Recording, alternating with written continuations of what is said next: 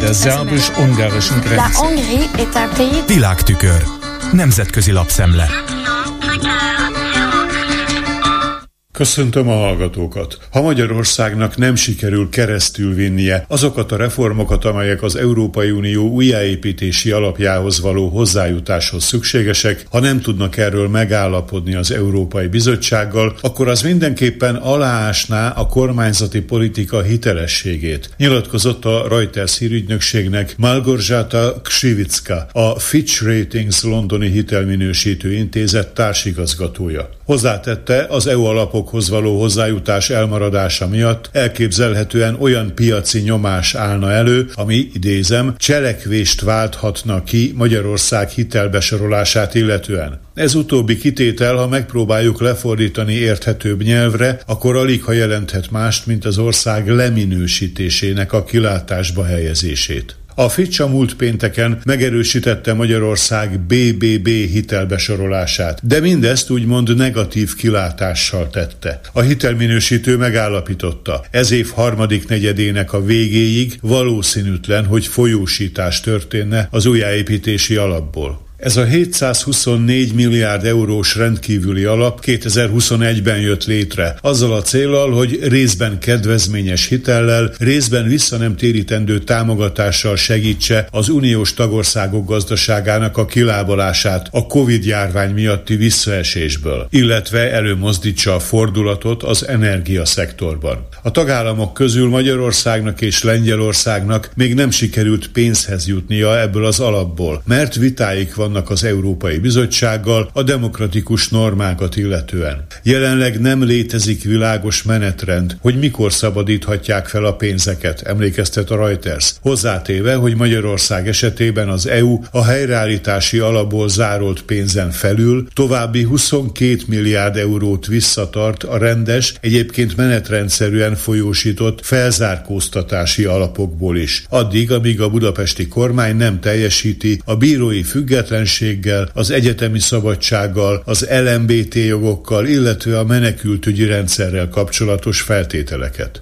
A Fitch vezető hangsúlyozta, hogy önmagában a helyreállítási alaphoz való hozzáférés hiányának nem lenne lényegbe vágó makrogazdasági hatása. A felzárkóztatási alap másokkal nagyobb kihívást jelent. Az újjáépítési alapot illetően azonban a reputáció a fontosabb szempont. Ha ennek a kifizetése elmarad, vagyis ha nem sikerül egyességre jutni az unió végrehajtó intézményével, akkor az aláássa a kormányzati politika hitelességét értékét, és negatív piaci hatásokat válthat ki. Így például a forint jelentős árfolyamesését, illetve a kötvényhozamok szárnyalását, amit tavaly az év végén már láthattunk, és ezek nyomán szükségesé válhat az ország átminősítése hitelezési szempontból. Egyébként teszi hozzá a Reuters, Magyarország minősítésének az újabb áttekintése december közepén lenne esedékes. És akkor most tekintsünk északi szomszédunkra. Ha Szlovákiában orosz barát áramlat kerekedne felül, akkor az veszélyeztetné Európa egységét Ukrajnával kapcsolatban. Figyelmeztet a Washington Post, amely Dubnyicából, magyar neve Mária Tölgyes keltezi írását. Azért onnan, mert a dubnyicai fegyvergyárban szerelik be a gyújtó szerkezetet az ukrajnai háborúban nagy ütemben fogyó 155 mm-es tüzérségi lövedékekbe. Ukrajna fegyverekkel való ellátása azonban megosztja az embereket. A megszólaltatott helybéliek egyike, a 19 éves Samuel Prekop azt mondja, hogy az csak olaj a tűzre. A Washington Post szerint a szlovákok növekvő arányú többsége osztja ezt a kifogást, és a baloldali populista Robert Fico, aki két ízben is volt már az ország miniszterelnöke, és most az őszi parlamenti választások előtt ismét vezeti a közvéleménykutatási listákat, azt ígéri, hogy megválasztása esetén véget vet Ukrajna katonai támogatásának, valamint meg fogja vétózni az általa értelmetlennek tartott Oroszország elleni uniós szankciókat. A Washington Post szerint Európa számos országában populista újjászületésnek vagyunk a szemtanúi. Példaként felhozza az alternatíva Németországnak AFD választási sikerességét, az osztrák szabadságpárt közvéleménykutatási elismertségét, és azt, hogy Spanyolországban az ultrakonzervatív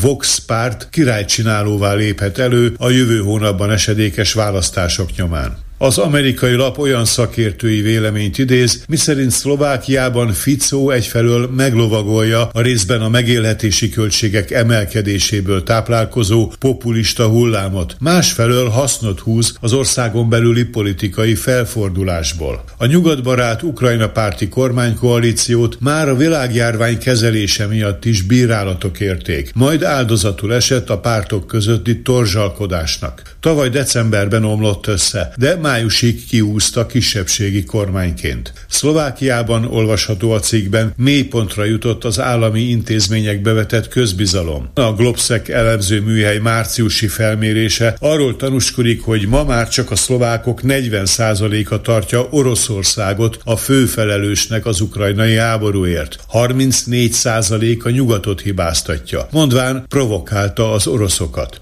Szlovákia NATO tagságát most már csak 58 támogatja, szemben az egy évvel korábbi 72 kal mint a Washington Post írja, uniós tisztségviselők aggodalmuknak adnak hangot, hogy a választások nyomán megalakuló új szlovák vezetés szövetségre léphet Orbán Viktorral Ukrajna támogatásának és Oroszország szankcionálásának akadályozásában. Ehhez kapcsolódóan az iménti cikkben is említett AFD-ről, amely Türingiában most megnyert egy helyi választást, rengeteg írás található a német sajtóban. Tekintettel arra, hogy jövőre ebben a tartományban, valamint Brandenburgban és Szászországban is választások lesznek. A Frankfurter Rundschau például interjút közöl Franz Mayer alkotmányjogásszal, aki szerint az, ami Lengyelországban és Magyarországon történik, legyen intőjel. A professzor a bibliai menetekkel kifejezést használja Németország számára, ahol a tartományok nagyfokú alkotmányjogi önállóságot élveznek, egyebek közt a rendfenntartás, illetve a sajtó és kulturális oktatási ügyek szabályozása terén. Ez volt ma a Nemzetközi Média Szemle Kárpáti Jánostól. Köszönöm a figyelmüket! Hungary's government sees building it Der szerbus-ungarischen Grenze. Nemzetközi lapszemlét hallottak.